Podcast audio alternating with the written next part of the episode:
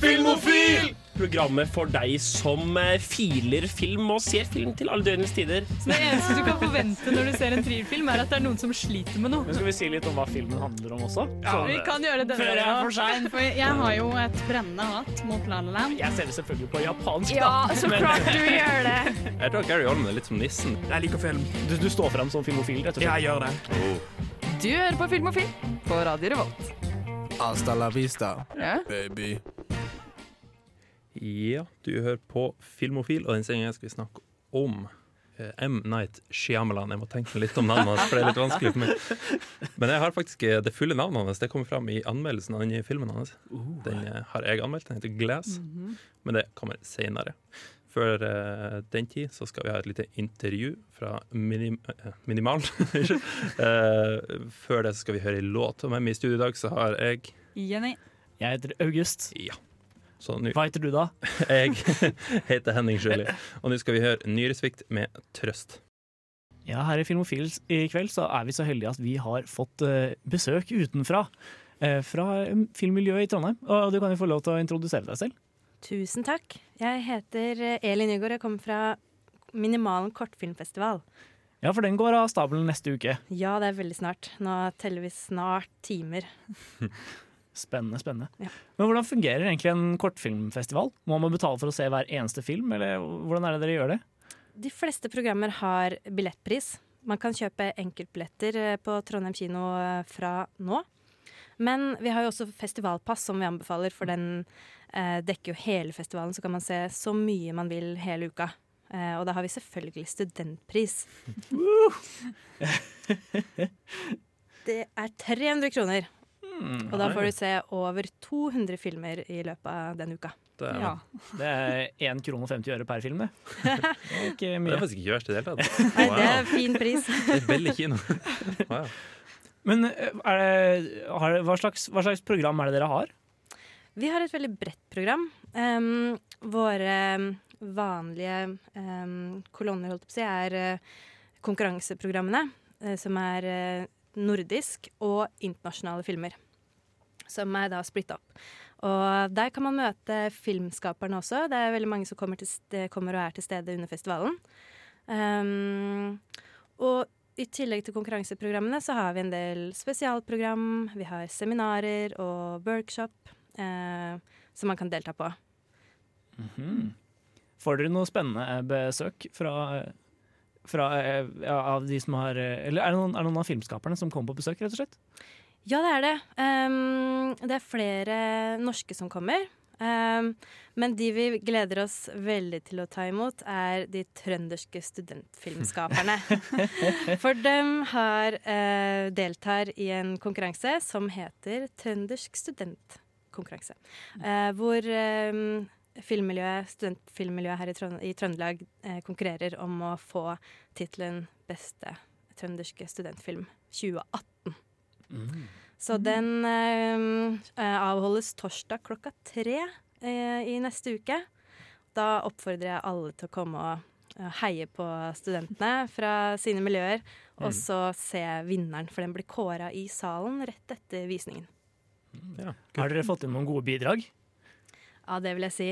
Eh, juryen sitter nå eh, og ser filmer og diskuterer, tror jeg, mens vi snakker. Så det blir veldig spennende å se. Ai, oi. Og det er et bredt eh, utvalg. Jeg tror vi har både animasjon, fiksjon og mulig også dokumentar, hvis jeg ikke tar helt feil. Så det er alltid spennende å få dekka sjangerne altså, fra studentmiljøet. Ja, og alle de her eh, eh, konkurrerer om samme prisen. Altså.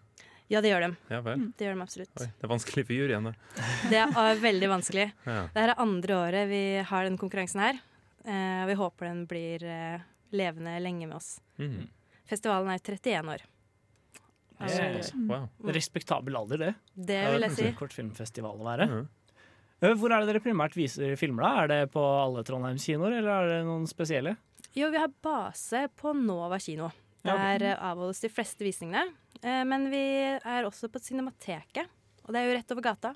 Mm. Så mm, eh, da kan man løpe mellom de to lokalene og få med seg så mye man orker.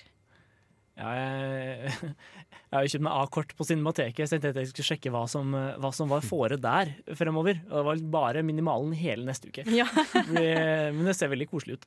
der blir det veldig koselig. De har jo fått kjempefine lokaler. Mm. Det har de. Det er veldig, veldig positivt det som har skjedd der de siste åra. Mm. Du kjøpte hva for noe, sa du? A-kort? Ja, det er sånn at jeg kan gå så mye jeg vil på Cinemateksfilmer i hele semesteret. Ja, det er ganske start. Sweet. Ganske stas. Ja, tror jeg på. Eh, har du noe mer du har lyst til å tilføye før vi går til eh, låt, eller? Ja, jeg vil jo si til de som er uh, interessert i dokumentar, um, at vi har uh, noe nytt for året. Og det er uh, noe som heter kortdokumentar. Um, det er delt inn i to bolker. Vi har en filmvisning av det vi synes er et lite utvalg av hvert fall det vi synes er de aller beste internasjonale dokumentarene fra 2018. Eh, man får se de, og så kan man gå på en eh, masterclass etterpå. Eh, det er ei som heter Eloise King, som kommer. Hun er eh, dokumentarfilmskaper og produsent. Um, og hun kommer til å fortelle litt om hvordan kortdokumentar har gjort suksess siste åra på um, de digitale plattformene. Det blir jo streama masse kortdokumentar. Jeg har hørt at det er noen som har interesse for det her. Mm. Eh, kan fortelle det. Eh, så det tror jeg blir kjempeinteressant. Det er et prosjekt som Midtnorsk Filmsenter i samarbeid med Minimalen starter opp, hvor regionale filmskapere som eh, har et dokumentarprosjekt, skal få delta i. eh, hvor man kan få hjelp og støtte fra internasjonale aktører til å utvikle prosjektene til en dokumentarfilm. Ja. Det høres Ja. veldig veldig spennende ut. Mm. Til slutt, hvis du har én film eller én visning som eh, våre lyttere bør komme seg på utover studentfilmvisningene, eh, hvilken, eh, hvilken er det? Kanskje de skal komme på eh, åpningsforestillingen på tirsdag, da, klokka seks. For der viser vi også regionale premierer. Så da kan man bli kjent med det trønderske filmmiljøet. Spennende. spennende. Da eh, tror jeg vi da sier vi tusen takk til deg, Eli, for at du kom innom. Og så hører vi på en eh, låt. Vi skal høre 22 med Chroma Key. Der var jeg tilbake som programleder. Og det var på tide. Det var eh, Hatt en lang juleferie Ja, nå, ja. absolutt. absolutt. Nei, det at August ledet det intervjuet, var altså bare midlertidig. Jeg skal være programleder resten av sendinga. Og tekniker. Det nevnte jeg kanskje ikke i starten. Eh, Nå pleier vi Multitasking. Ja, Multitasking. Nå uh, skal vi snakke litt om hva vi har sett siden sist. Og jeg har eh, litt lyst til å starte, egentlig, for jeg så Birdbox. på Ja. Netflix. Eh, fordi veldig, veldig veldig mange har sett den. Eh, det kom et sitat fra Netflix om Nei, jeg husker ikke tallet, men det var i hvert fall mange som var sjokkert over at wow, det er mange millioner, titalls millioner som har sett den filmen. Mm. Og det, den ble sluppet ut like før jula, og det er mange som skylder på det. Og at den er litt sånn allspiselig, fordi det er liksom hele familien kan på en måte se den. For liksom, Noen kan trekke seg til ah, det er Sandra Bullock, ah, det er eh, Sarah Paulson, ja, det er han er fyren fra Moonlight. Og noen kan tenke ja, det er horror, ja, det er spennende, ja, whatever. Mm. Det er en dritfilm. det er skikkelig, skikkelig kjedelig. For Det er veldig fascinerende at så mange har sett den, for den går jo i- går inn i litt sånn derre artsy horror-territorium på et eller annet vis. Ja, Men sånn kjempe, kjempemetafortungt og rart. Jeg, jeg har ikke sett den selv, jeg har Mm. bare fått det inntrykket. Og det er veldig merkelig at så mange snakker om en sånn film. Men det er Ja. noe av det vakre med, med, med strømmetjenester. da. Det at eh, den typen rare ting kan dukke opp, og så plutselig går mange folk og ser det, selv om de aldri ville dratt på det på kino. Mm. Det er sant. Eh, det er litt som Annihilation også. Ble jo sett av kjempemange, selv om det egentlig er en nokså smal sci-fi-film på mange måter. Mm. Mm. Den er mye mer Mye mer artsy enn det det jevne publikum ville dratt og sett på kino. Ja, ja, det tror jeg absolutt. Og den Birdbox, du ser det bare i måten de filmer på, at den er ganske langt ifra den typiske skrekkfilmen nå til dags. på en måte. Sånn, altså, hvis du ser på Insidious-serien sånn, de ville aldri filma på den måten. For det første er det mye utendørs, altså veldig eh, store, åpne bilder. ikke sant? Mye av filmen er at hun, Sandra Bullock driver og ror ned i elv. Jeg liker ikke Sandra Bullock lenger. kan jeg si, Jeg liker virkelig ikke den filmen. Skikkelig dust. Jeg likte henne i Gravity. Jeg har egentlig ikke noe særlig forhold til henne. Jeg tenkte på, ja, kult, hun var, hun var grei, liksom. Men nei. Men etter nå denne, så Niks. Eh, eh, den kunne vært kul hvis det var godt etablert hva som var reglene til de monstrene. Men jeg føler ikke at det er det. Eh, og det lille som blir forklart, liksom blir forklart i sånn flashbacks. Det er ikke uh, Hva heter det når det går fra A til B til C? Eh, Kronologisk. Er ikke kron selv kronologisk. Den hopper fram og tilbake, og så lærer du ting om det monsteret i et framblikk og så et bakblikk, og så der og der og der. Så liksom historien blir fortalt sånn. Og det, det virker som at de har prøvd å gjøre noe kult, og så har det bare ikke gått så bra. Synes jeg. Ja, fordi jeg så traileren, og så syns jeg den minnet veldig om liksom A Quiet Place og sånn. Mm, Og så fikk ja, jeg liksom litt lyst til å se den, men er den, Det- er den noe i den Det er liksom den sjangeren, type? Ja, det virker absolutt som at de har prøvd å gå for noe sånt. De tenker Ja. at ah, Quiet Place den gjorde det godt. Alt av publikum likte den. Vi må prøve å lage noe sånt. Hva var det? Jo, han mangla en sans. Eh, vi må lage en film hvor noen mangler en sans. Men det var, ikke, det var ikke at de ikke kunne høre som gjorde, nei, at de ikke kunne prate som gjorde at A Quiet Place, Place gjorde det så bra. Eller, ja. du, du kan ikke Det var ta, litt at de ikke kunne prate. jo, jo, jo, for så vidt, men du kan ikke ta et enkelt fenomen ut av en film og så introdusere det i en annen film. Bare, ja, nå blir den bra. Det er ikke sånn det funker. Dere skal få talerstolen, dere, men før det så skal vi høre Nancy med Teenage Fantasy. Der hørte vi altså Nancy med Teenage Fantasy. Og nå eh, skal dere to få talerstolen, som jeg sa, for å snakke om hva dere har sett siden sist. Mhm. Jenny, hva har du sett? Jeg har sett mye, mye rart, egentlig. Fordi det var jo juleferie, og det er tiden for at vi ser de filmene vi ikke har sett ennå, som bare ligger hjemme. Mm. Men jeg, jeg fikk en film til jul som jeg tror har blitt en av favorittfilmene mine. Det er Cinema Paradiso. Så jeg endelig. Ah. Og jeg syns den var skikkelig skjønn. Ja, det, det var den som gikk på NRK sånn 18 ganger i løpet av jula. Det vet jeg ikke. Jo, den gjorde det. NRK3 i hvert fall. Hmm. Jeg husker jeg og pappa så på TV flere kvelder, og det gikk vi forbi den, og så halvveis inn i filmen hver gang. Jeg bare, Jeg synes den var skikkelig skjønn. Det var liksom eh, Den var liksom så fin, og måten den er fortalt på også. At han lille gutten liksom kommer og blir venn med han som eh, driver kinoen der borte. eh, I den lille byen. mm. Og så er det alt er liksom Ja, alt er veldig lite. Så man blir veldig godt kjent med de som går på kinoen. Da. Man får liksom vite hvordan kinoen har en innvirkning på lokalbefolkningen. Mm. Og hvordan den har innvirkning på da, denne lille gutten. Og ja Syns den var veldig søt. Det var fin, det var ei scene jeg så veldig fin. Han, eh, han hadde lånt noe penger eh, Mora hadde gitt noe penger for å kjøpe melk. Eller hva for noe. Mm, Så stakk han på kino og brukte penger til Same. det er fint. Ja. Nei, jeg personlig så Den, den er jo sånn IMDb topp 50 eh, type, eh, film. Så jeg så den med veldig høye forventninger, og så Mhm. ble jeg litt sånn ah, Var ikke den egentlig liksom litt kjedelig? Ja, den blir jo fort det hvis du har sånne forventninger til en sånn film. da Ja, så jeg, jeg, jeg har ikke noe imot den. Jeg bare syns den er litt overvurdert. Nei, fordi jeg hadde liksom hørt musikken. Den hadde jeg hørt før. For den hadde jeg på spillelisten min av en eller annen merkelig grunn. Og så, så, så begynte vi å se filmen, og så den første sangen Den hadde jeg på spillelisten min. Så var jeg sånn Nei, men dette kjenner jeg jo igjen! og da ble jeg litt mer gira for å se filmen. Og da, var det liksom, ja, da ble den litt bedre også, tror jeg. Og så var musikken også veldig, veldig fin. Så det hjalp veldig. Jeg har faktisk vært en tur på kino denne uka, jeg. Mhm. Eh, Jeg hadde en morsom eh, opplevelse på lørdag, hvor eh, jeg var på fest med noen venner av meg. Blant annet han, vi, han som jobber for Norsk Romsenter, som vi intervjuet i høst i forbindelse med romfilmsendinga vår. Jaha. I hvert fall, Han slengte plutselig ut Har noen av dere sett Månelyst i Flåklypa ennå? For den er veldig morsom. Okay. Og ingen av oss andre hadde egentlig sett den, så jeg og ei venninne av meg bestemte oss for å stikke på, juli, nei, på Månelyst i Flåklypa dagen etterpå. Eh, Ja. Så vi, ja, vi kjøpte billetter i løpet av festen og stilte opp på, på klokka ett-visninga midt på søndag formiddag. Men eh, det var en overraskende koselig film, altså.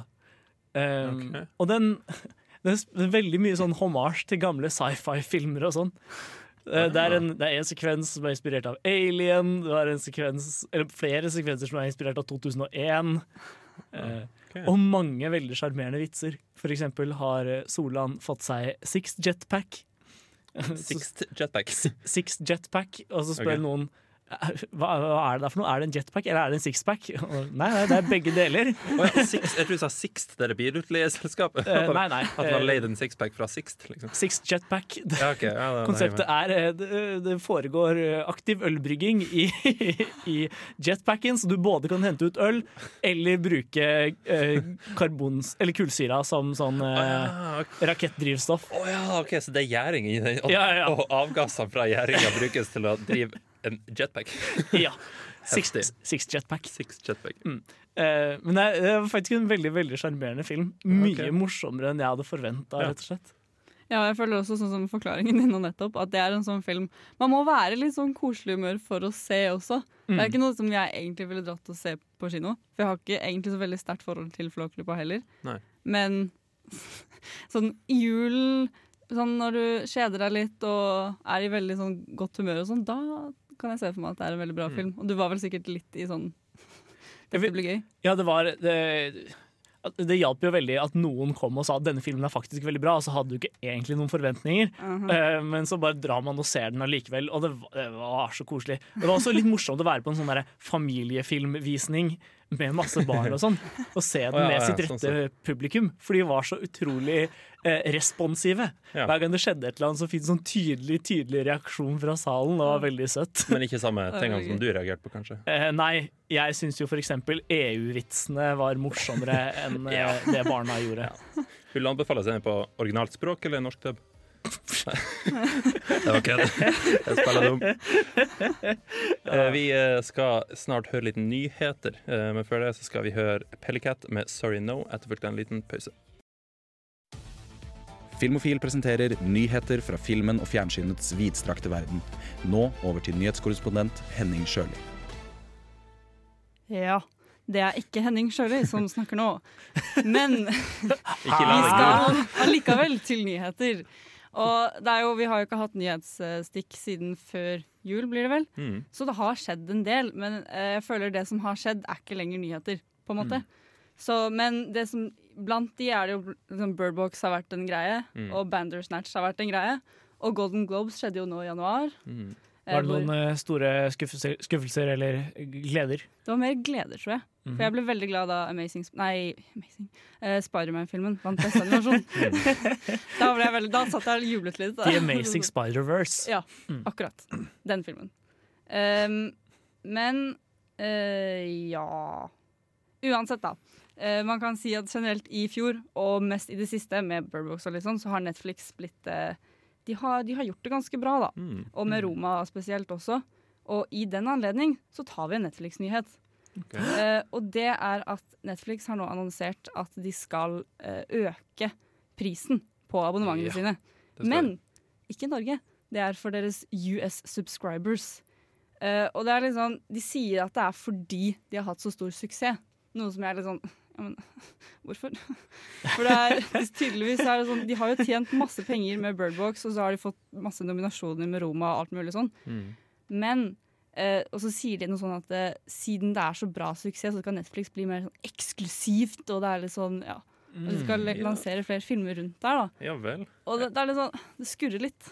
Ja, altså, det jeg hørte når eh, altså, Jeg har bare så vidt hørt om det her, men det jeg hørte var at de endelig justerer for inflasjon. For det har de ikke gjort. At Netflix har funnet i ja, oppimot ti år. Og de har alltid hatt 99 kroner måneden, har de ikke? Og det er det det fortsatt er. Men, men samtidig så er det litt sånn altså, Av og til så skulle man ønske bedrifter bare var ærlige om intensjonene sine. Ja. Altså, Hvis de har lyst til å justere for inflasjon, så kjør på. Jeg har ikke noe ja, ja, imot det. Nei, for alle andre. Eh, Alle andre men, det, men det er veldig liksom. teit når de da skal unnskylde det med Nei, nå skal vi bli mer eksklusive, derfor må vi øke prisen. Altså, kan du ikke bare, altså, hvem er det som tenker nei, vi må justere for inflasjon, og, og, og er sånn Nei, da skal jeg avskaffe Netflix, ja. ja. Ikke sant? Jeg, altså, jeg, jeg tenkte det er sånn veldig rar måte å klappe seg selv på ryggen på. Liksom. Sånn, vi kan justere prisene fordi vi har rett og slett blitt litt for gode. Vi er, vi, vi er faktisk så gode at vi, det ikke er rettferdig å betale kun 99 kroner måneden lenger. Vi må faktisk kreve litt mer av dere, fordi så gode er vi. Det er litt det jeg hører når jeg ser det. Og jeg syns det gir mye mer mening at de ble justert for inflasjon. Ja, jeg tror det også var noe med at de um, eh, ville, gi, ville tjene inn mer penger, sånn at de kunne gjøre at den gratisperioden til folk At den også ble bedre, da, fordi de har så mye bra filmer der. Sånn at de ikke liksom, folk tar eh, prøveperioden, og så bare ser liksom okay. sånn Roma og alle de filmene, på en måte, Ja, og så sånn går vekk og ikke kommer tilbake igjen. på en måte. Mm. tror det var noe, eller jeg husker ikke, Mm. det var noe rundt der. I hvert fall rart var det. Ja, Veldig smart. Ja. Det syns jeg. Og så til en litt mer teit nyhet som jeg fant, og så ble jeg litt sånn hæ, hva er dette for noe? Og det er at tydeligvis, eh, det var for en stund siden, mange år siden faktisk, så annonserte de at de skulle lage en crossover mellom Men in Black og Jump Street. Det og det, ja, Mm. det skjønte jeg ikke helt hva som skjedde, men nå har de offisielt annonsert at det ikke skjer, da. Ja. Og det, Men, eh, en og det er jeg litt glad for, merker jeg. en litt kortlevd glede for meg. For meg altså, for jeg, jeg likte min in Black veldig godt da jeg var liten. Jeg liker 21 Jumps eller 22 Se for eller 23. Eller. deg Jonah Hill og Channing Tatum løper rundt der med monstre. Det virker jo ikke Nei, altså, det var jeg- jeg- virkelig rart. Det skal sies, Jeg trodde ikke at jeg skulle like 21 Jump Street heller, men det gjorde jeg. Absolutt. Det var, det var ikke filmen for meg. Jeg tenkte Channing Tatum i action, uh, sjølironisk, liksom. Nei, det tror jeg ikke de fiksa, men eh, det gjorde de. Og ja. Phil, Phil Lord og Chris, Chris Miller kan gjøre alt, da. Ja da. Det er Alt blir morsomt med dem. Ja da. Bortsett fra Star Wars, tydeligvis, for Star Wars kan ikke være morsomt. Nei. Det er ikke lov. Men jeg følte også De filmene var liksom bra i seg selv, men hvis du skal da se for deg å prøve å blande de Bare ser det for deg Ja, og kos deg med den tanken. hadde det vært Lord, Lord Miller, eh, så hadde jeg hatt troa. De kan få til alt. Men det, det er litt som å ta Nugatti på ostesmørbrød, liksom. Det er sånn Ostesmørbrød er godt, Nugatti er godt. Ja, da må det være godt. Ja, ikke sant? Det, Men Henning, har du smakt Nugatti med nei, ostesmørbrød? det har jeg ikke, dessverre. Det er Hvordan kan du uttale deg om Nei, da? sånt? det er helt sant, fordi det er faktisk noen som spiser hvitost og Nugatti på samme brødskive. Og det syns jeg er motbydelig. Men da vil sikkert de like denne crossoveren. Da. da I rest my case, Ja, i hvert fall. en tragedie at de avlyste den. Rett og slett. Åh. Vi er dessverre nødt til å ta en liten pause i nyhetene mens vi hører på ei låt. Vi skal høre Løv med Superhuman. Ja, der hørte vi Løv med Superhuman. Og Jenny, du har flere nyheter, også. Det- nyheter til oss. Det har jeg. Ja. Eh, og en eh, litt stor en, da, som eh, ja, er ganske bra, er at det har kommet en ny Game of Thrones-teaser. Ja, for det kom en teaser for uh, kanskje en måned siden, eller sånn så var det kartet som er på Dragonstone. Og så kom det flammer på ene sida, eh, og så en sånn uh, tåke av is liksom, fra andre sida. Jeg skjønner hva det er. det liksom Dragene i bunnen, krig og sånn, og så kommer død og kulde. ikke sant? Fra. Og, og det er sånn, det er juks. Du kan ikke, du kan ikke bare Ja. filme et kart med litt visuelle effekter, og så er det sånn oh, Nei, dette er det- en teaser! Det, det er ikke en teaser i det hele tatt. Det, du kan like godt lage en plakat liksom, hvor det står liksom 'Game of Thrones kommer i april'. Det blir mer for hypen, da. For å liksom Ja få folk til å bli enda mer gira. Ja, det. det, bare, man føler seg så lurt når de er sånn Nå kommer det! Og så er sånn, Ja, nei, For det gjorde jeg! Når jeg fikk det opp på IMDb, liksom, tenkte jeg, åh, teaser, sweet. Trykte til på den, så fikk jeg et kart. Ja. Men den som har kommet nå, er litt mer interessant. Det er, altså, Bare litt, da. det er tre av de fire gjenlevende Starkene. Hvis du kan kalle han ene le- gjenlevende, fordi han er ikke egentlig en Stark. Men i hvert fall, litt spoilers. three-eyed raven. Ja, han, uh, han er ikke i rommet. Det er mange som snakker Nei. om det. Men Men uh, ja, OK, det var, det var ikke han du sikta til, Nei, det var ikke det. det var John. egentlig ikke Men ja. Stark. Men jo, eh, jeg har lyst til å snakke om Brand òg. I hvert fall Brand, mener jeg. Det som skjer i den tiden, er at de, eh, altså John, Arya og Sansa går i krypten uh, og ser på forskjellige graver. Så går de forbi farens grav, forbi moras grav, grav, grav, grav, sånn. Og så, oi, så finner de sine egne graver. Og så står de og ser på den. Uh, og så detter ei fjær ned fra den ene grava og fryser til is, og det er den fjæra som Robert Baratheon lader i sesong én, episode én. Så jeg skal, jeg, jeg, Ja, eller episode to. Ja. En, av de, en av de to første, i hvert fall. Ja, det, det var én. Det var Eh, når han kom til, eh, til slottet. ikke sant? Så sa han med en gang gikk de ned 'Jeg vil se grav til Liane'. sa han. Mm. Så gikk de ned dit. Og, ja. Det er noen som har spekulert hvorfor Bran ikke er der. Jeg tror det er fordi ja.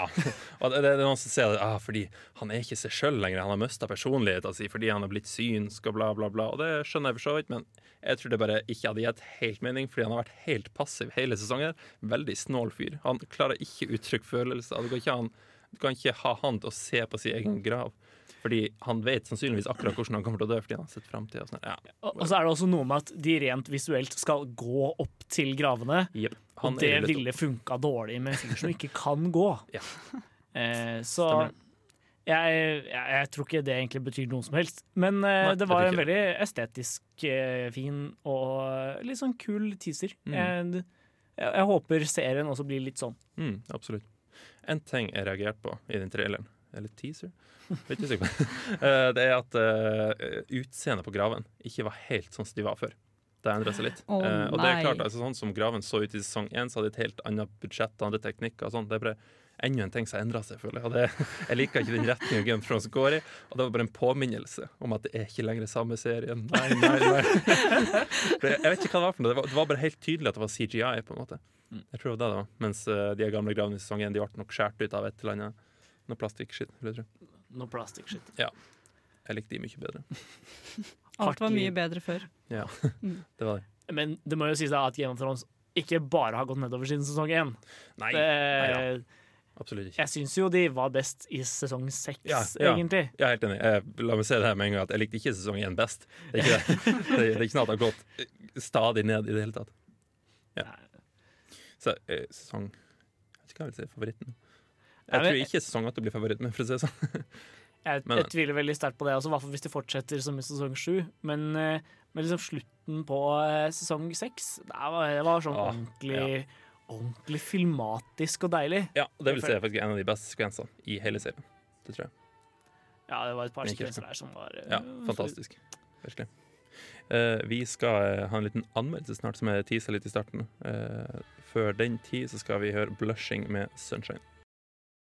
Der hørte vi altså 'Blushing' med 'Sunshine'. I starten av sendinga nevnte jeg at jeg har lært meg det fulle navnet til M. Night Shyamalan. Hva står eh, eh, M-en for? Ja. M-en Jeg husker ikke akkurat det.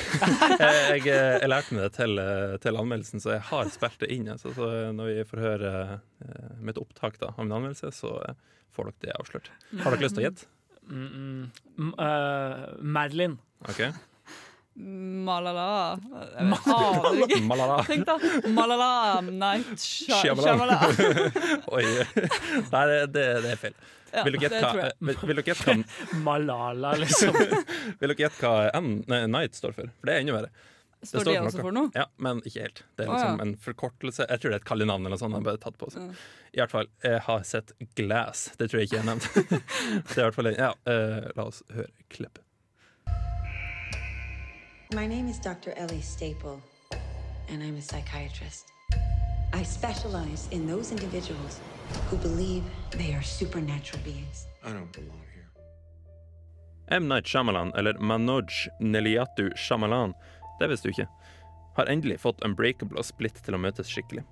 Etter at det ble tydelig i slutten av Split at de to filmene hadde med hverandre å gjøre, er det mange som har gleda seg til å se karakterene faktisk møtes. Og møtes gjør de.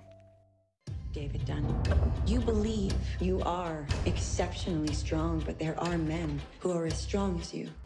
Elijah Price, you have an extraordinary IQ. You think you are superhuman. What if I suggested that you are mistaken? James McAvoy får kanskje mest skjermtid av de tre hovedskuespillerne. Men dette er noe jeg vil si er en god ting, for han gjør en veldig god jobb av å bytte mellom sine 20 krediterte roller. Det var det jeg klarte å telle på rulleteksten, i hvert fall. Men skryten min går ikke så veldig mye lenger enn det, dessverre. For Glass er en ganske lite bemerkelsesverdig film. Den bruker altfor lang tid på å komme i gang, og når du føler du endelig er i biffen av filmen, stappmett på poteter, blir alt veldig repetitivt og konsekvensfritt. Jeg skjønner meg virkelig ikke på valgene mange av karakterene tar gjennom filmen, selv om man ser bort ifra ting som blir forklart i retrospekt, som hvorfor karakter 1 gjorde som han gjorde for en halvtime siden, bla, bla. Men jeg står fortsatt igjen med en del spørsmål hvor det eneste svaret jeg finner, er billig manusskriving. Eksempel, hvorfor er det kun én nattevakt på sinnssykehuset med i alle fall dusiner av pasienter, hvorav tre av de her sannsynligvis har superkrefter? Jo, fordi de skal bryte ut. Hver enkelt rolleprestasjon i filmen er for så vidt god, som sagt særlig James McAvoy. Bruce Willis fikk ikke så mye skjermtid, men han gjorde en ganske god jobb ut av det lille han fikk. Det samme gjelder Samuel L. Jackson. Sarah Paulson gjorde den også forutsigbare Sarah Paulson-greia er å stirre veldig veldig bekymra i hver scene. Men hun gjør det bra, og det passer i filmen, så jeg kan kanskje ikke klage på det. What do you want? I need your abilities to get us out of here. The bad guys are teaming up. I'm the only person who can stop them. Tror du denne filmen har en plot twist? Det skal jeg ikke avsløre, for jeg er ikke en dust. Det er tross alt dette som er halve moroa med filmene til Night. Men jeg skal gå så langt som å si at det skjer åpenbaringer, som i de aller fleste filmer, som forklarer ting som har skjedd tidligere. Dette er noe jeg gjerne kan sette pris på i de fleste filmer, men det inntrykket jeg fikk av Glass, var at den skulle være litt mer spenning og slåssing, altså ikke den filmen hvor bra narrativ står fremst. Hadde det vært kult om det viste seg at skurken i Expendables var onkelen til Sylvester Stallone sin karakter? Nja, kanskje ikke. Nå setter jeg veldig på spissen, men det var altså mange deler av filmen jeg likte godt, kanskje veldig godt i enkelte tilfeller, men resultatet av alle de små delene her samla var et sabla rot som virkelig ikke treffer mål. Og alle de delene jeg faktisk likte, blir litt surna av at de er del av noe større jeg virkelig ikke satte pris på. This is where they would paint you with big eyes and bubbles of confusion above your head. Ja, jeg er ikke noe fan av den filmen her. Den var uh, veldig kjedelig, må jeg si. Var det bolts of confusion above your head? Bubbles of confusion. Bubbles, ja, ja. for det, det som skjer med Samuel L. Jackson sin karakter, det er at han er veldig besatt av Ikke besatt, av er sinnssykt, men altså, han, er, han er veldig stor fan av uh, comic books. Mm. Så han driver og refererer til det hele tida. Og det er en veldig sånn klein ting som kommer tilbake og tilbake og tilbake. Sånn veldig seriøse scener hvor han sier In the comic books right about now, I would break out from here. Sånn liksom der. Ja. Som om altså, han, han setter sånn likhetstegn mellom uh, comic books og virkeligheten. Når Mm. han liksom skal være den smarteste mannen, og du skjønner at liksom Ja, du vet bedre enn det her, liksom. Nei, så, nei. Ja, for det funker veldig bra i Unbreakable, fordi det er litt subtilt. OK. Um, ja, for, for du har jo ikke sett Nei. verken Unbreakable eller Split. Nei, men jeg vet, jeg vet litt om de, liksom. Så jeg vet noe om Split. Det, Ja.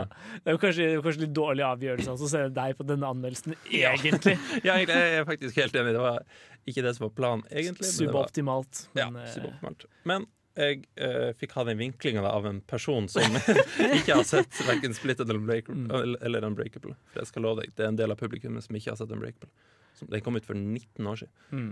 Så det, Mm. Men, men tror du det at Eller i hvilken grad tror du det at du ikke hadde sett de filmene, farget ditt syn på filmen? Altså, tror du den hadde vært, tror du den hadde vært noe mindre rotete hvis, hvis du hadde sett de to forrige? jeg tror ikke det, for de presenterer karakterene og det som har skjedd i tidligere filmene, eh, veldig eh, kort og godt. Ja, okay. De presenterer liksom at eh, Split, fyren, kidnappende folk, eller noen jenter, drept mange av dem, overlatt, eh, eller eh, spart den siste jenta da, fordi hun også var skada, liksom.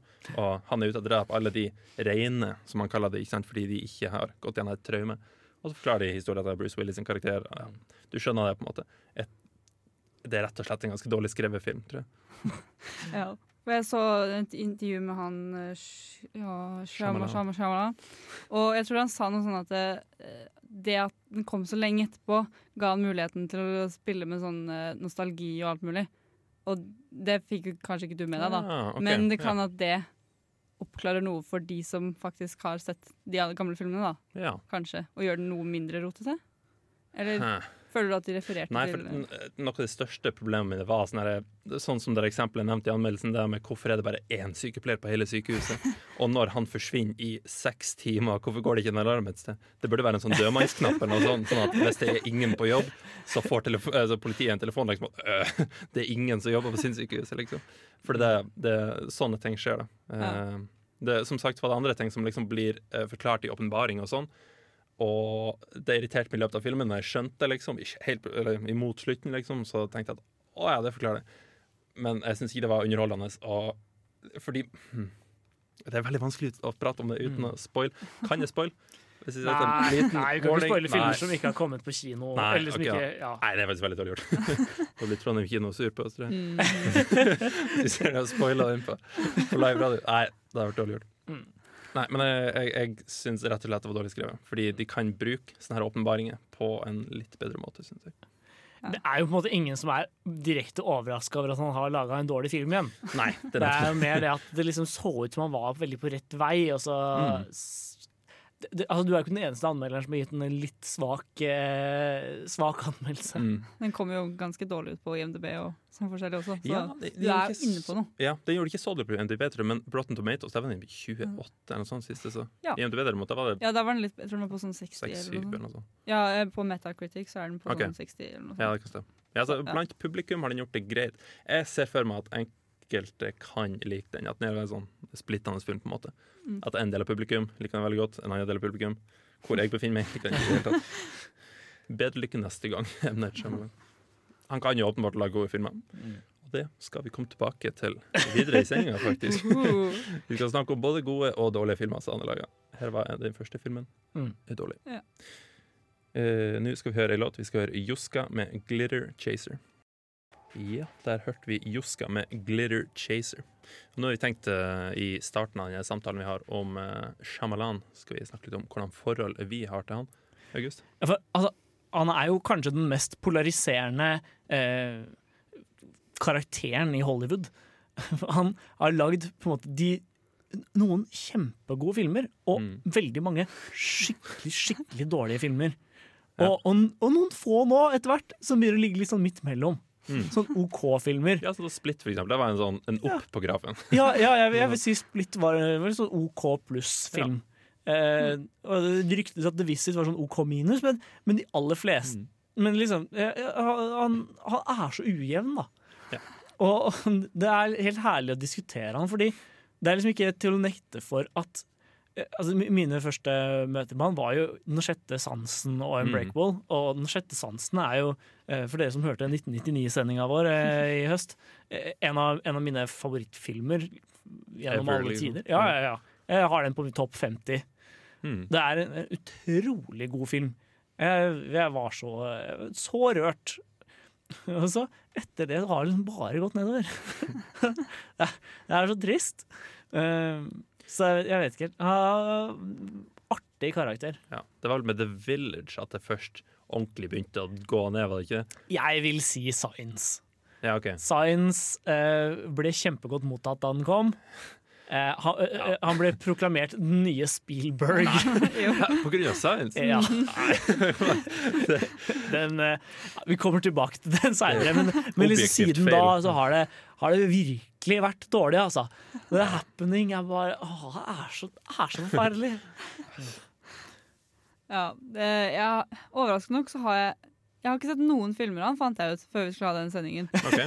Og så var det liksom, ble jeg litt sånn Hæ, hvordan har jeg ikke hørt om denne personen? Siden han lager så dårlige filmer. Hvordan har jeg liksom oh, ja. unngått å liksom hørt om han engang? Altså, du har ikke hørt om han engang? Nei, Nei faktisk ikke. Og jeg ble skikkelig overraska over meg selv.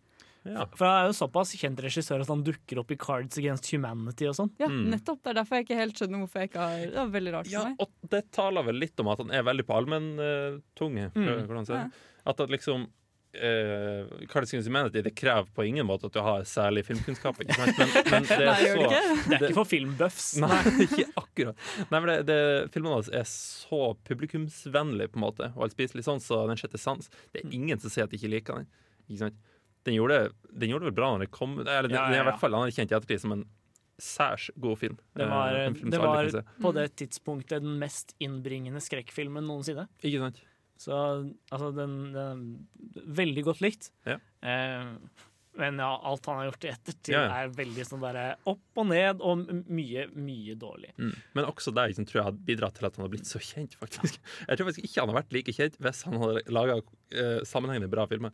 Altså, altså, han, eh, hvis han hadde holdt seg på den sjette sans-nivået gjennom hele karrieren sin, selvfølgelig. Ja. Da hadde du kunnet kalle han han den neste Spielberg, Spielberg. faktisk. Men hvis han hadde lagd Den sjette sansen, og alle de andre filmene hans var, eller filmene hans var litt sånn splitt, Ja. så hadde ingen brydd seg.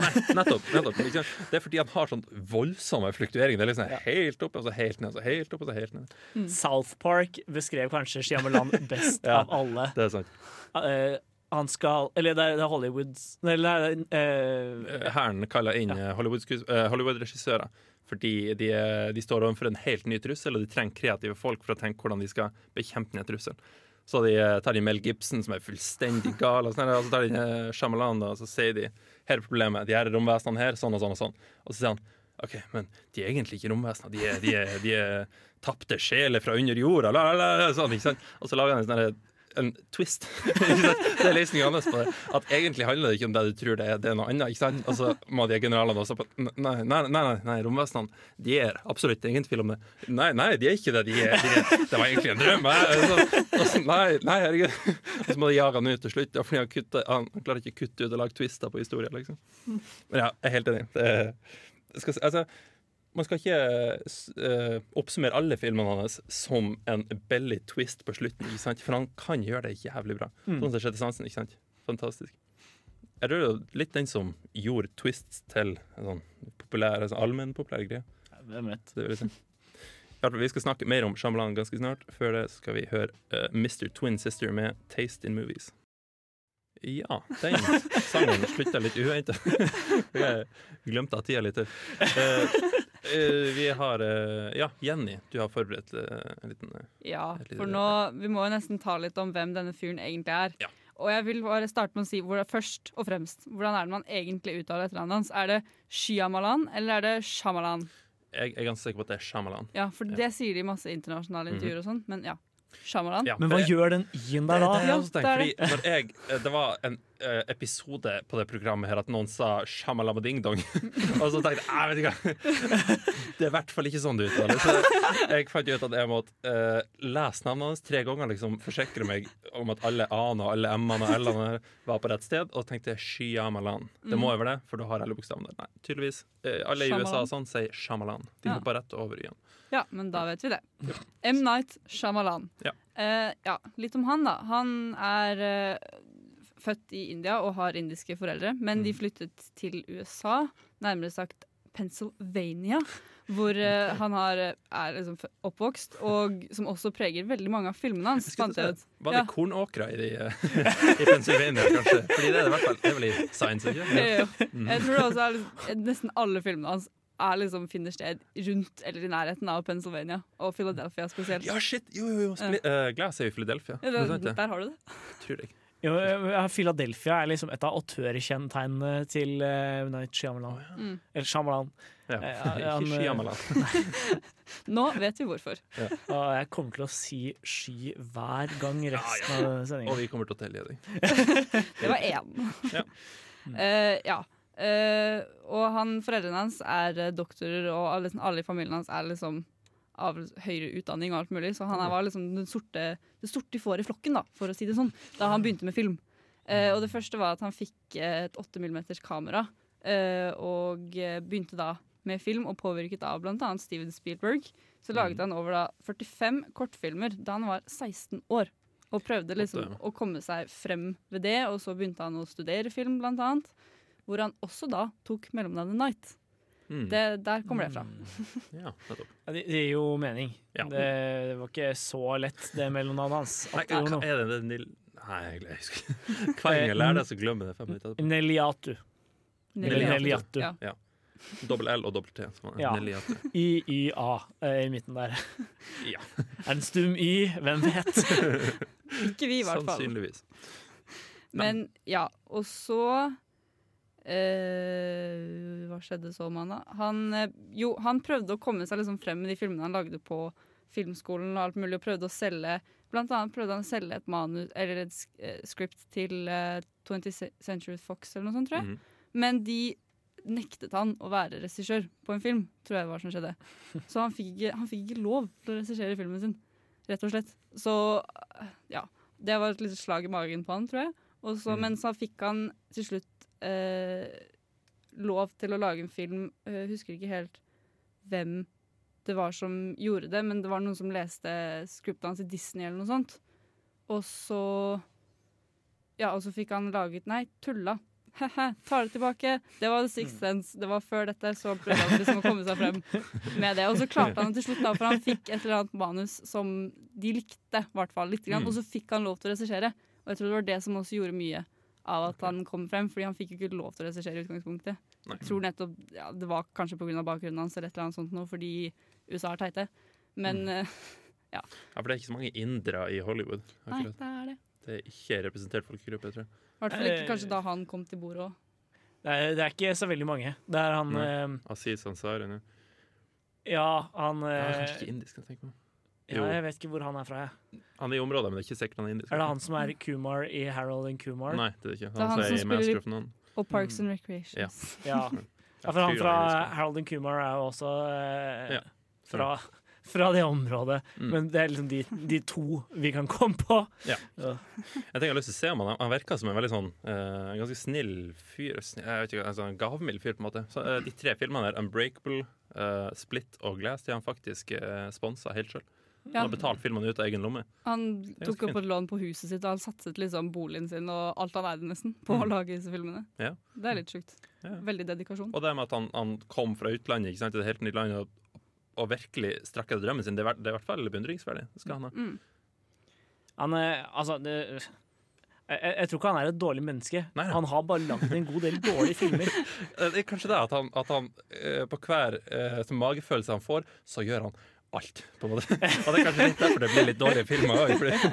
Han har en visjon, Henning. Ja, ikke sant? Det, det kan bli veldig gode filmer, og kanskje ikke alltid stort på magen. Så. Tror jeg. Mm. Av og til trenger man folk som kan si litt nei også. Ja, ikke sant. Som de gjorde man i starten. Men nå er Nå har han ikke på nå lenger, tror jeg. Nei. Vi skal snakke mer om eh, Shyamalan, eh, men før det så skal vi høre Nylenda med 'Fires Light'. Der hørte vi altså Nylenda med 'Fires Light'. Og jeg skjønner ikke den tittelen helt. 'Fires Light'. Ja, ja. Men Hvem vet hva de sikter til, egentlig? eh, Nå skal vi snakke om gjennombruddet til M. Night Shyamalan. Jeg skal ikke prøve på navnet. hans. Shyamalan. Shyamalan. Ah, Shyamalan. Det var en gang på Henning. Ja, det var jeg. Da vi skulle, August. Ja.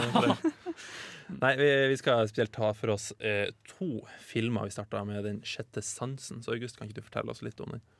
Ja, at, øh, det er jo litt sånn vi sier at ingen ville snakket om øh, M. Night Shyamalan hvis han hadde fortsatt å lage sånn helt middelmodige filmer. Mm. Men han starta til gjengjeld karrieren sin med et sånn helt vanvittig smell. Mm. For Den sjette sansen ble, som vi nevnte i stad, den bestselgende uh, skrekkfilmen i historien.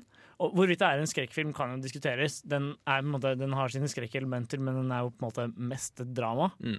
Eh, og det så man i Oscar-runden også. Den fikk en del Oscar-nominasjoner.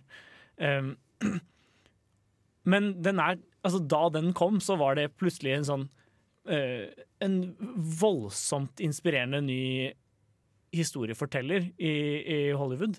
Alle var litt sånn hva, hva var den filmen som kom helt ut av det blå? Mm. Mm. Og jeg så den på nytt igjen i vår. Fordi vi hadde den på pensum i et fag jeg tok på NTNU. Og den Det er så fascinerende å se den opp igjen hver gang, fordi mellom hver gang jeg ser Den sjette sansen, så på en måte får jeg sett et par andre Shyamalan-filmer, eh, og så glemmer jeg Hvor bra den egentlig er. ja, og så lar jeg de påvirke mitt bilde av den. da Jeg har f.eks. for eksempel sett The Happening og sånn. Og så går du tilbake til den sjette sansen, så er den bare en helt perfekt film. Altså, den har jo en av historiens mest eh, kjente plot-twister. Mm. Men, men for meg så var det på en måte ikke det som var den sterke delen av filmen. da Den tar for seg historien om en psykolog som på en måte har blitt Eller en åpner med at en psykolog spilt av Bruce Willis blir skutt i magen av en tidligere pasient da, som han ikke klarte å hjelpe. Mm. Og eh, så fortsetter vi med en, Eller flere år siden, når eh, han oppdager en, et annet barn som har en liksom, lignende lidelse. Og han bestemmer seg liksom for at nei, nå må jeg hjelpe denne gutten. Og så etter hvert, eller Han bruker lang tid da på å liksom få bygd opp støtt, eller bygd opp tilliten til denne, til denne gutten. Mm. Men han begynner også å merke etter hvert at det, at det faktisk skjer reelt rare ting rundt, rundt denne gutten. Og midt i filmen så eh, kommer det kjente utsagnet I see dead people. Og han, eh, levert fra en helt herlig Haley Joel Osment. da. Ja, absolutt. Og resten av filmen handler egentlig på en måte parallelt da, om hvordan, hvordan eh, denne gutten skal få formidlet til sin mor, som på en måte sliter med å connecte med han, alenemor. Mm. Eh, få formidlet til henne at dette er det han Dette er hans problem, og, og rett og slett drama mellom dem. Og i tillegg eh, Bruce Willis, da, som skal prøve å liksom komme overens med kona igjen. Mm. Og, og begge fortellingene er helt vanvittig rarende. Så for meg så er det på en måte ikke plot-twisten lenger som, som, gjør at, som, som gjør filmen. Første gangen jeg så den, så var det sånn Wow! Den hadde jeg aldri sett komme. Men ja. Men eh, da jeg så den opp igjen nå, så var, det, så var det jo ikke der jeg var mest følelsesmessig engasjert.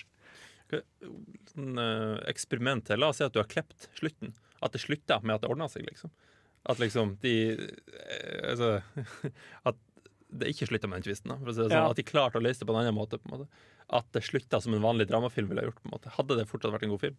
Synes du? Jeg tror det. Ok Uh, det sies jo at den hadde, den hadde, Det er ikke sikkert den hadde vært like kjent. Mm. Og den hadde neppe hatt like høy IMDb-rating, men jeg tror jeg hadde likt den like godt.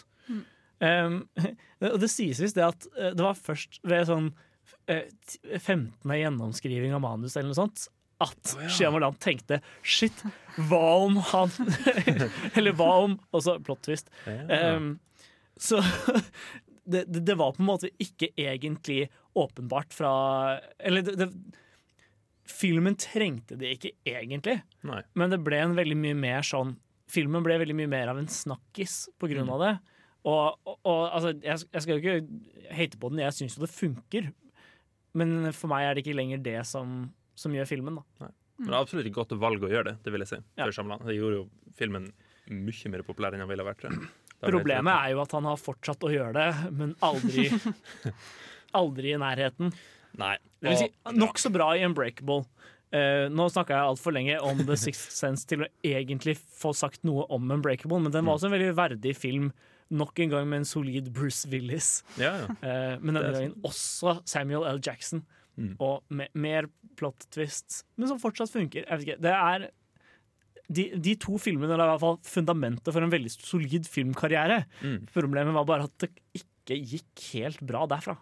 Nei, og jeg føler at han prøvde å trekke, eh, trekke vannet opp av samme brønt. med at Han, prøvde å finne på å bruke samme formen på nytt, ikke sant? Mm. men at folk forventa det. på en måte Det som virkelig gjorde filmene hans veldig populære, liksom, de twistene. ikke sant? Mm. Når folk gjennomskua at nå kommer det en twist, så er det ikke så spennende lenger. Nei. Så, ja. nei. Eh, nå skal vi høre ei låt før vi har en bitte liten pause. Vi skal høre Tu, eller Ty, med Underwater. Hei, mitt navn er Atle Antonsen. Du lytter til Filmofil på radio Revolt, og det gjør du helt til programmet er ferdig. For de eh, flinke elevene der ute, så husker dere at vi ga dere lekser i forrige uke.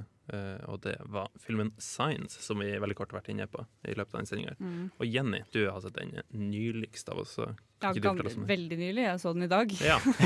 Det er ikke lenge siden. Nei, Nei. det er det ikke. Det er svært nylig. Ja. Ja. Uh, og det var jo her Man kan jo si det var her det begynte å gå litt ned, da. Mm. Og det kan man jo for så vidt se litt i filmen. òg. den er veldig sånn øh, Han tok noe som øh, Fordi sånn Den handler jo om, da Jeg kan starte med det for å være litt konkret. Mm. Eh, den handler om en familie.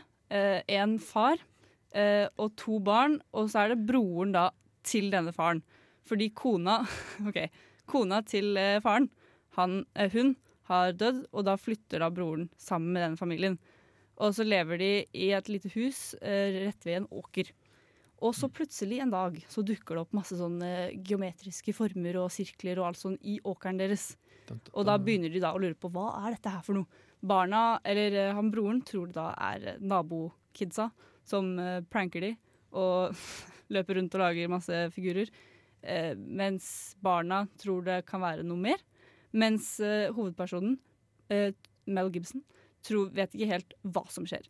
Eh, og så går det da gjennom at de prøver å finne ut av dette, og så blir det mer verdensomspennende. De følger med på nyhetene, og det skjer flere steder i verden, og så begynner de å bli veldig paranoide. Og eh, han yngste, eller en av ungene, da, låner en bok på biblioteket som handler om aliens og hvordan de kommer og alt mulig sånn.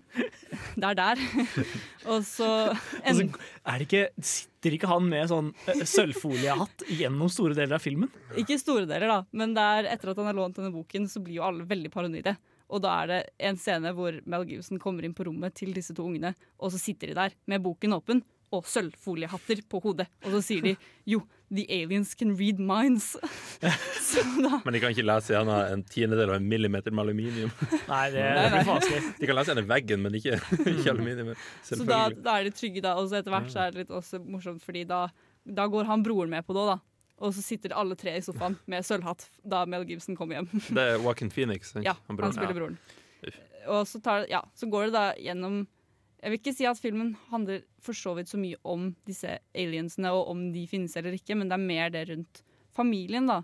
Det er mer det rundt hvordan de oppfører seg, og hvordan liksom, forholdet de har, og hvordan de takler det, egentlig, rett og slett. For det er jo ikke så mye man får sett av det utenomjordiske, eller det som egentlig skjer. Denne filmen ble jo hyllet veldig da den kom, fordi altså, Shyamalan var veldig på sånn en streak. da. Mm. Han hadde levert Den sjette sansen, han hadde levert Unbreakable, og folk var litt sånn OK. nå kommer han, eller Folk tenkte automatisk at han kom til å levere noe bra på nytt. nytt. Litt på, samme ready, måte liksom. som, litt på samme måte som uh, The Phantom Menace, uh, Star Wars The Phantom Menace, egentlig fikk veldig gode anmeldelser. Fordi folk forventet å få se Star Wars, og så så de The Phantom Menace og så tenkte de, ja ja, men det var jo litt kult. Det var jo Star Wars. ja, eh, Det, det var sikkert jeg som var litt dårlig humør. eller noe sånt. Ja. Jeg, jeg plussa på bitte litt. Det var artig Mm. film. Den- Og den, den samme på måte, behandlingen fikk Science, Mm. men i ettertid så har folk begynt å peke på flere og flere ting som bare er ganske dårlig. Mm. Ja, blant annet så er det som jeg begynte å si i starten, da, det er jo Jeg husker da det skjedde liksom på nyheten, så han begynte å komme sånn i virkeligheten, da, at det begynte å komme sånn former og sånn på åkre. Det er jo basically bare det han har gjort. Han har sett på nyhetene, og så har han tatt det konseptet, og så bare Ja, her er en film. Dette er det folk tror. Og det er et par aspekter ved de aliensene som bare er så utrolig teite. Sånn, For eksempel, det viser seg jo at å nei, disse alienene tåler ikke vann. Ja. Oi, Det er noe som blir brukt i en annen film òg. Ja, men, se for deg, hvis du skulle invadert en annen planet Du hadde teknologien for å komme deg gjennom vakuumet i verdensrommet til denne andre planeten, Mm. men du glemte å sjekke hvorvidt det var svovelsyre i atmosfæren. Eller vann. Jo, jo, jo men, men, men som menneske, da. Ja, okay. Hvis vi hadde hatt teknologien for å reise Ja. til en fremmed planet eh, Du klarer å komme deg til den fremmede planeten, men du gidder ikke å sjekke om det f.eks. regner svovelsyre. Ja, sånn du går ut, og så regner det svovelsyre på deg, og så dør du. Oh, og så er du sånn Oi, shit, det var, det var lite, lite, do- lite godt planlagt eh, invasjon. Det er liksom Det er, det er, det er så latterlig plottpoeng, da. Og de, går jo ikke, de har jo ikke på seg noen drakter, eller noe sånt. de bare går rundt helt nakne, og de tåler ikke vann. Ja. Nei, jeg- kom til å tenke på bitte litt avsporing, men jeg kom til å tenke på at mm. slutten av uh, eh, War of the Worlds der viste det seg at de ikke tåler lufta eller noe sånt. Det er noen mikrober i lufta eller sånn som dreper de. Der sånn, de har faktisk vært på jorda i hundrevis av år under bakken og levd der, og de har ikke gidda å titte opp liksom og se hm, Nei, den lufta der den må ikke gå. De, de kunne ha sjekka det, liksom, men Ja, men det, er, det er samme type logikk. Da. Nettopp, Det er bare ah, det er, helt Det er bare rart. Ja, og det er litt det jeg nevnte når jeg pratet om eh, Glass òg, at det virker litt som litt lat skriving, på en måte. At de tenker at nå nå må film bli slutt, så nå må vi finne på noe. Og det må jo si sånn, Mange av Shyamalans filmer har eksistert i det territoriet etterpå, hvor det bare er sånn Alt bare er veldig latterlig og dårlig. Ja. Eh, toppa seg kanskje med The Happening og, og The Last Airbender, som bare er sånn Ja. dårlig i alle ledd. Og du ikke helt skjønner hvordan noen tenkte det var en god idé i utgangspunktet. Og det verste, spør du meg, er at eh, det er mange som har trodd etter at eh, Unbreakable Glass og Split er i samme univers, så tenker folk at ah, alle filmene er i samme univers.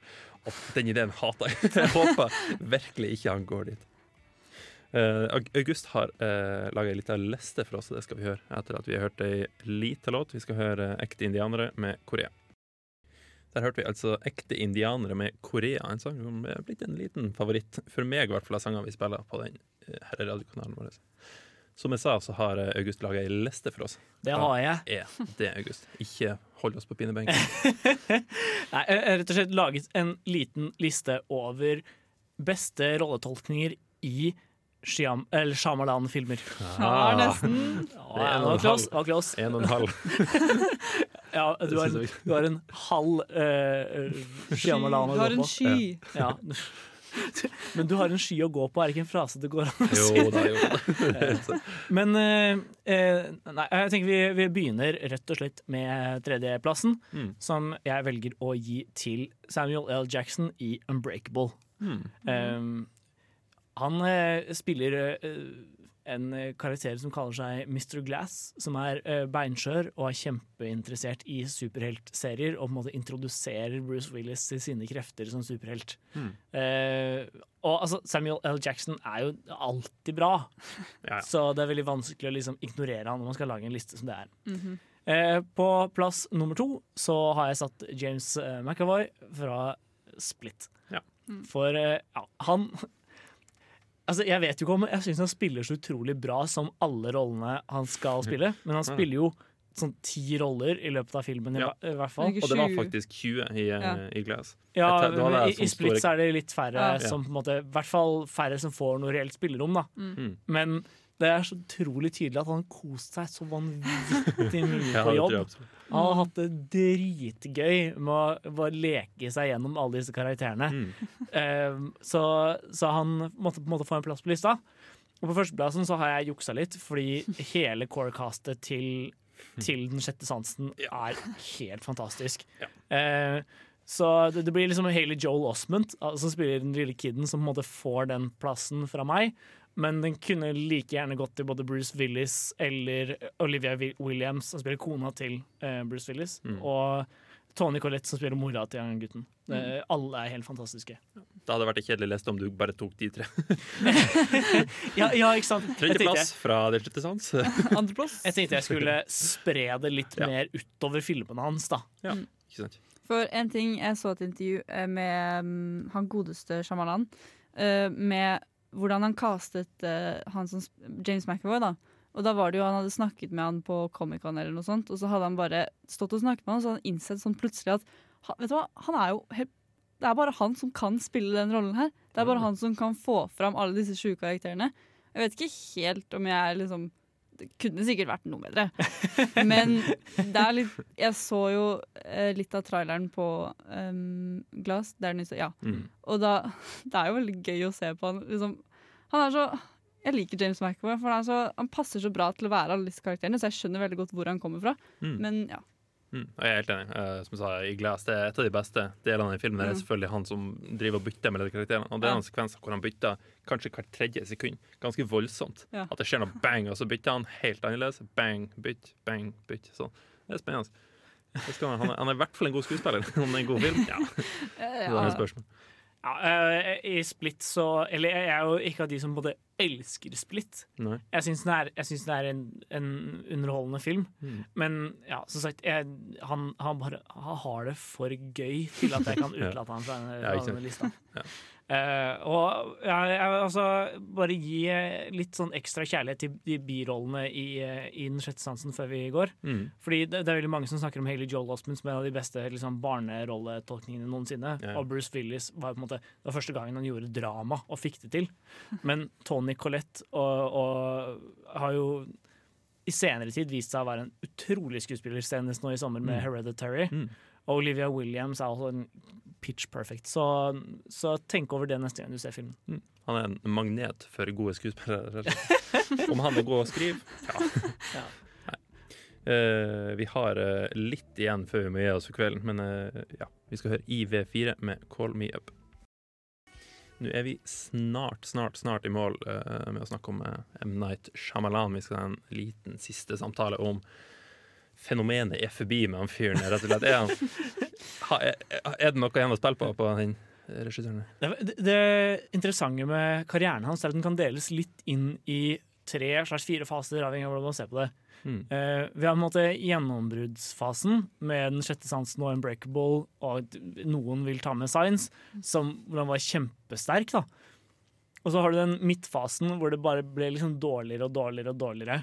Eh, med ja, Lady in the Water og eh, the, the Happening og The Last Airbender of After Earth, for ikke å snakke om. Ikke minst. Eh, nei. Eh, altså, i, I det siste så har han hatt en litt mer sånn der redemptiv fase. Mm. Hvor liksom først kom The Visit, og folk var sånn Oi, denne filmen er jo ikke dårlig.